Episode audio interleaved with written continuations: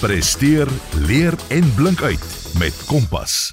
Welkom by Vanaand se Kompas program. My naam is Martleen Oosthuizen en in Vanaand se program gesels ons met Tian Hu. Hy is 'n student by die François Ferreira Chef Akademie. Hy gaan vir ons meer vertel oor sy lewe as 'n student wat swat om 'n chef te word. Hy gaan vir ons vertel van al die opgewondenheid wat hy beleef elke dag sy kampus toe gaan en hy gaan vir ons meer vertel oor sy gewone daaglikse lewe. Wat behels 'n gewone dag as 'n chef student wat studeer om 'n chef te word?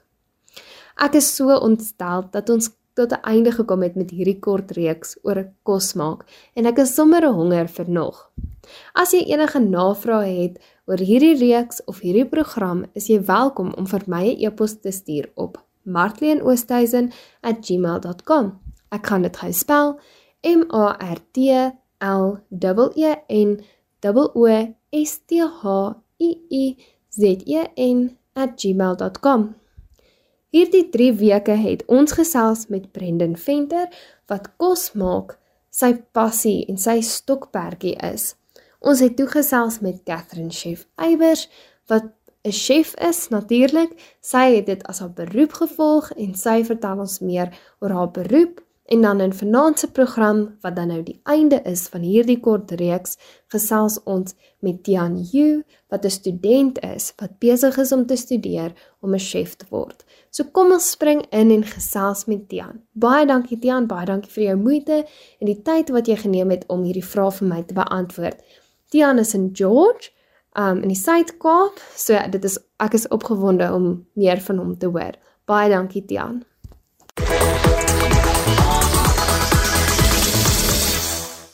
Wat het jou gemotiveer om 'n loopbaan in kookkuns te volg?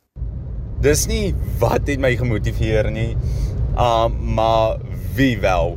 So dis beslis my ouma want vanaf ek kan onthou elke keer wat sy ons kom optel het na skool en ek my huiswerk gesit en doen het by haar, was sy besig met die potte om die heerlikste kos te maak. Dan sou sy tussenin vir my vra, "Tian, wat kan ek hierby sit? Wat dink jy kan ek hierby gooi of watse bykos kan ek bymaak?" En onwetend het my ouma eintlik vir my my die die saadjie vir my liefde vir kos geplant. So beslis my ouma Is daar 'n spesifieke aspek van jou kook of die kulinaire wêreld wat jou belangstelling boei? So hierdie is vir my sulke maklike en lekker vraag om te beantwoord. Ek kan dit met toe oë beskryf. So fine dining of soos chef Franco dit altyd genoem het, hy het altyd gesê dis tweezer kos. Juist omdat daar soveel komponente is wat op die bord gaan wat jy moet afrond met jou tweezer net om daai fynere detail op te sit. Gaan kyk na enige Michelin ster restaurant.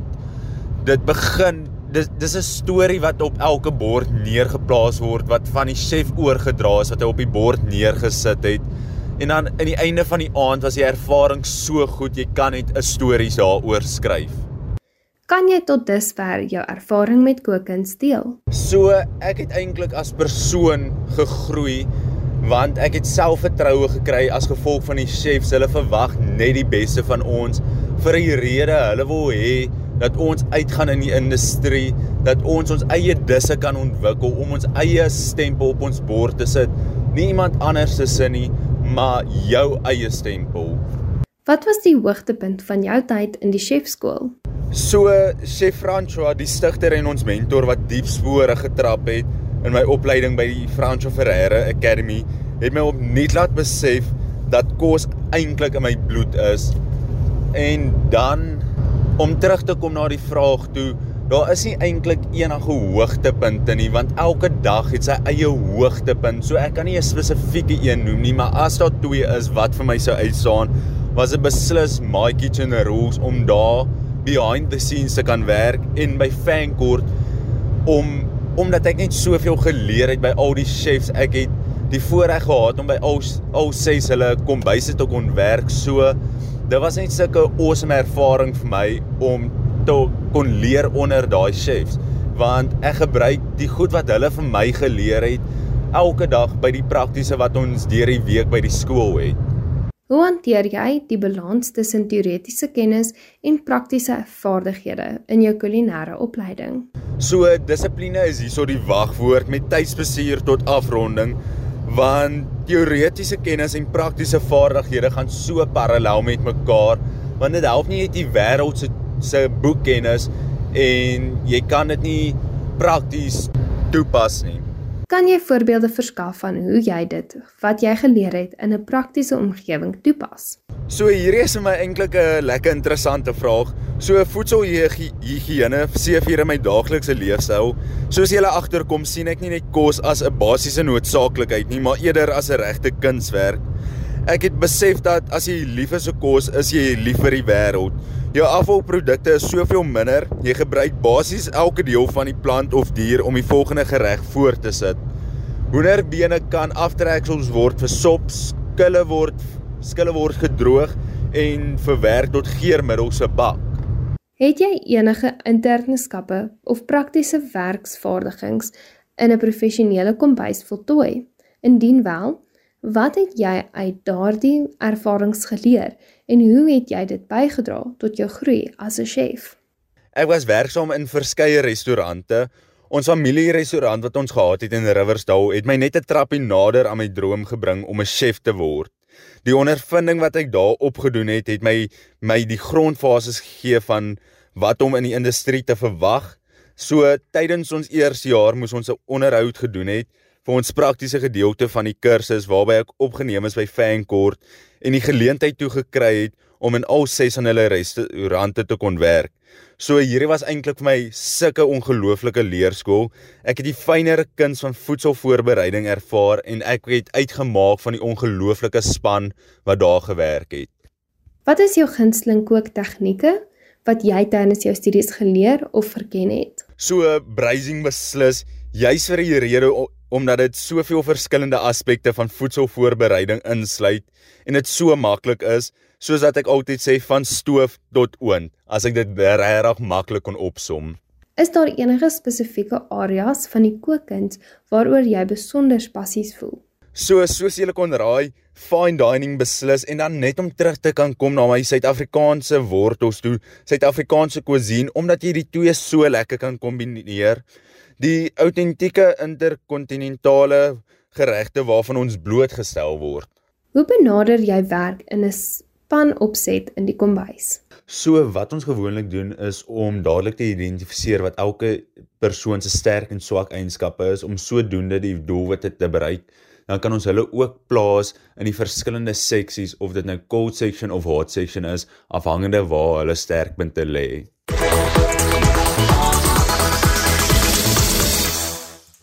Weereens baie dankie Tiaan dat jy die moeite gedoen het om die vrae te beantwoord. Ek was baie opgewonde om meer van jou te hoor. Dit is ook vir my wonderlik dat ek 'n kort reeks kon doen oor die drie verskillende fases as ek dit nou so kan sê van kosmaak. Iemand wat dit doen as 'n stokperdjie wat nou Brendan Venter was, iemand wat dit doen as 'n lewe, hulle is 'n chef, dis hulle beroep wat chef Catherine Eybers was en nou ook 'n student wat besluit het om dit hulle lewe te maak en nou studeer hulle om 'n chef te word.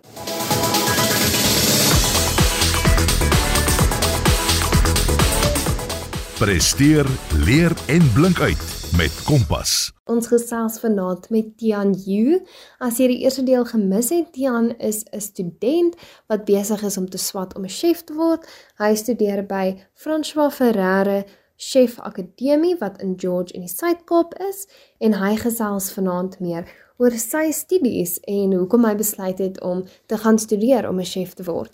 Vanaand is ook die laaste program in ons kort reeks oor kos maak. Dit maak my baie ontsteld want ek is baie lief vir kos maak en ek is baie lief vir kos. En dit was my baie interessant om te hoor oor iemand wat dit wat kos maak as hulle passie en hulle stokperdjie het, iemand wat besluit het om dit hulle as hulle beroep te volg en dan ook dan nou vir Tiaan wat besluit het om dit te studeer want elke een van hierdie mense is op verskillende fases van hulle lewe en kos het speel 'n belangrike rol maar op 'n ander manier. So ek is baie opgewonde om verder met Tiaan te gesels. So baie dankie Tiaan, ek is opgewonde om van jou te hoor. Baie dankie ook vir jou moeite dat jy die vrae geantwoord het. So kom ons luister na Tiaan.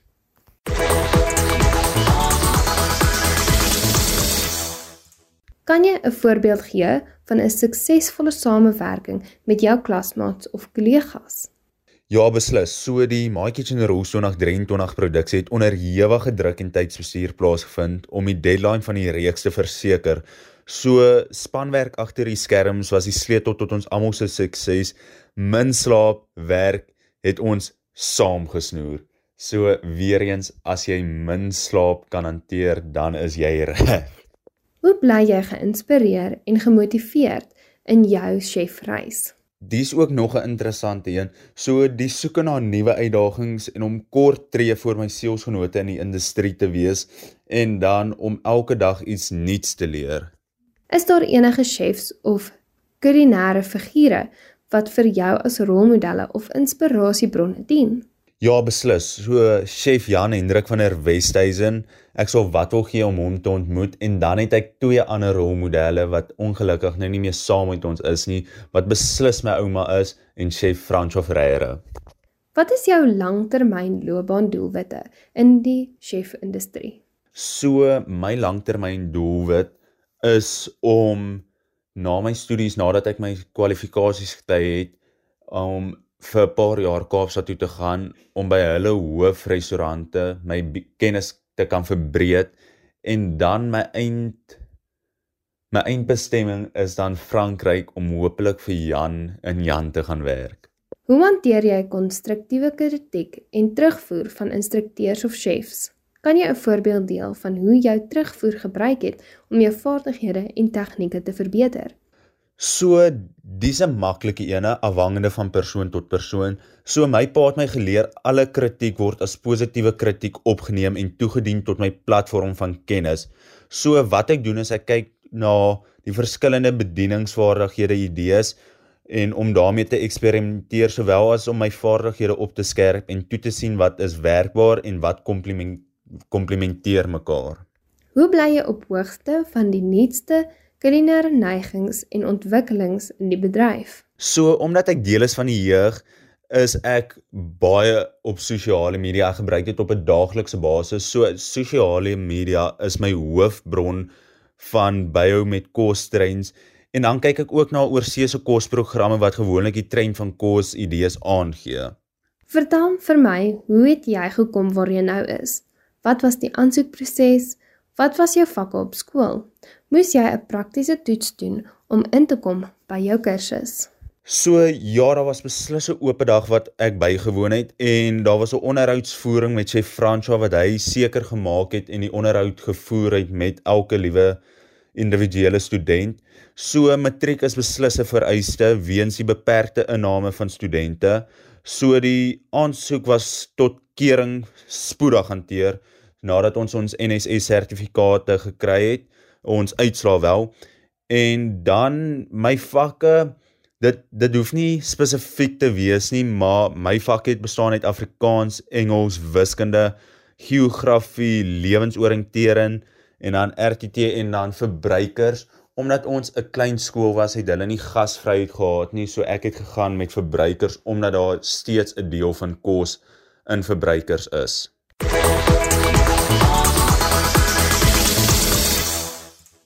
Ek was die 15de Junie by 'n jeug-entrepreneur expo By hierdie expo was daar 'n klomp entrepreneurs, jong mense wat hulle eie besigheid begin het, wat uitgestal het en vertel vir mense wat hulle besigheid was.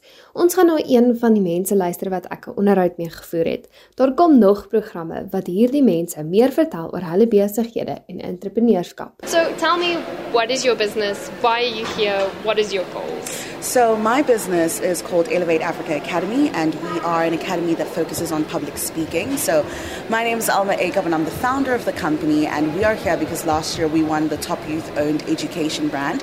And so we're just back to say that we're growing, we're thriving, and we want to encourage everyone else to apply for the awards. Um, so, in, in terms of public speaking, I mean, it's ranked the fourth most in demand skill globally. So, it's a skill that everyone needs, whether you're a lawyer, an accountant, a teacher, everyone needs to know how to communicate. And so, we're reaching to the African target market to train us how to speak, regardless of our accents and our languages, and to ensure that we're able to adequately communicate our our ideas. So, how does your um, application work? How do I get to you? How mm. do I you know, email you and tell Yeah. you I want to learn how to speak Awesome. publicly? So if you go right onto Google and you type out Elevate Africa Academy, it'll direct you to our website. And on our website, just make a quick inquiry whether you're interested in public speaking or voice voiceover training. So we also offer voiceover training. Um, I think gone are the days where we have to outsource voiceover artists from America and the UK. We have artists here; they probably just don't know how to use the skill. So we train voiceover artists as well. If you're interested in making money from speaking, that's what we assist you with. So from our website, you'll have access to all the information that you need. so how did you start your business? So it started about two, we're two years old, which is crazy because we're growing at a rapid pace. But it started from people just telling me all the time that you've got such a great speaking voice, you've got such great presence. And I would always notice walking into an interview, I'd normally get the position based solely on my ability to speak, not necessarily being the most intelligent person in the room. Um, and so I thought, look, if this was a skill that especially Africans had, considering we have so many ideas, but when we get onto the international stage, we struggle to communicate our ideas um, and we get really shy. And so you'll see someone will discover a solar panel car and it, they'll remain in their backyard because they don't know how to communicate Yeah. that idea. So it was founded with this desire to ensure that we can communicate um, because I, from my own experience, yeah. But you, I mean, I can hear you're amazing at speaking. Um, I'm, I'm, I'm a little bit uh, scared. Flustered. yeah, flustered. but so tell me, is there any advice that you have for young people, maybe young entrepreneurs that want to start their own business. Yeah. that are unsure where to start, what to do? I mean, this is an amazing business. This is not selling makeup products. This is teaching. Exactly. people, which is an amazing thing. Yeah. So do you have any advice? I do. Look, my advice to young people would be just do it. Um, I'm going to steal that from Nike um, because, I mean, as young entrepreneurs, there's so much stuff that we want to do. We want to first have a website, first have a poster, do pamphlets, social media account, etc., etc. And so we end up continuously fast, like, you know, trying not to start the business because we want to tick off certain boxes. Um, and I'm just saying, just do it. When I started, it was myself and it was Zoom and it was me saying, who wants public speaking training? And that was that.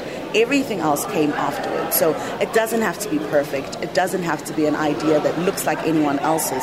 If you want to do it, just do it. Thank you so much. It's unbelievable, and I've already learned so much.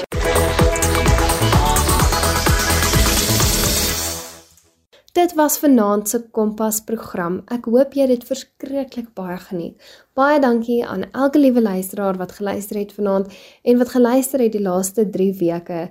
Um, wat gepraat het oor die kosprogramme en geluister het na hierdie drie mense wat vir ons meer vertel het oor hoe kos 'n belangrike invloed op hulle lewe het. Baie dankie Tiaan dat jy die moeite gedoen het om die vrae te beantwoord en deel was van vanaand se program. Ek wil ook 'n spesiale dankie sê aan die heel eerste program in hierdie reeks aan Brendan Venter.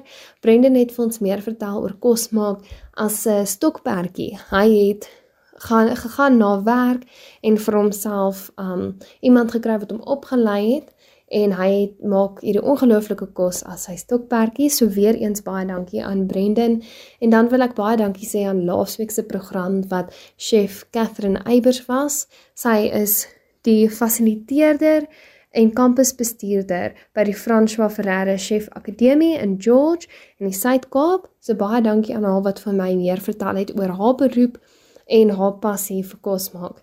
En dan laaste natuurlik ook vir Tiaan wat ons program en ons reeks oor kos maak afsluit vanaand, um wat hy meer gesal het, gesels het oor sy studentelewe as 'n student wat besig is om te studeer om 'n chef te word.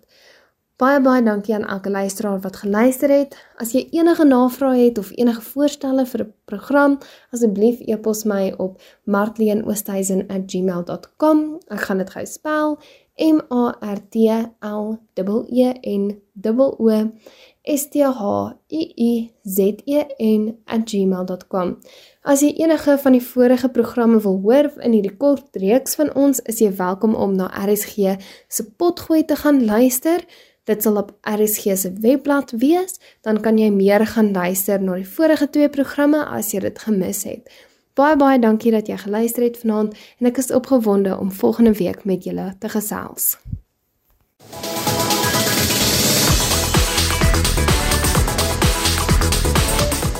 Presteer, leer en blink uit met Kompas.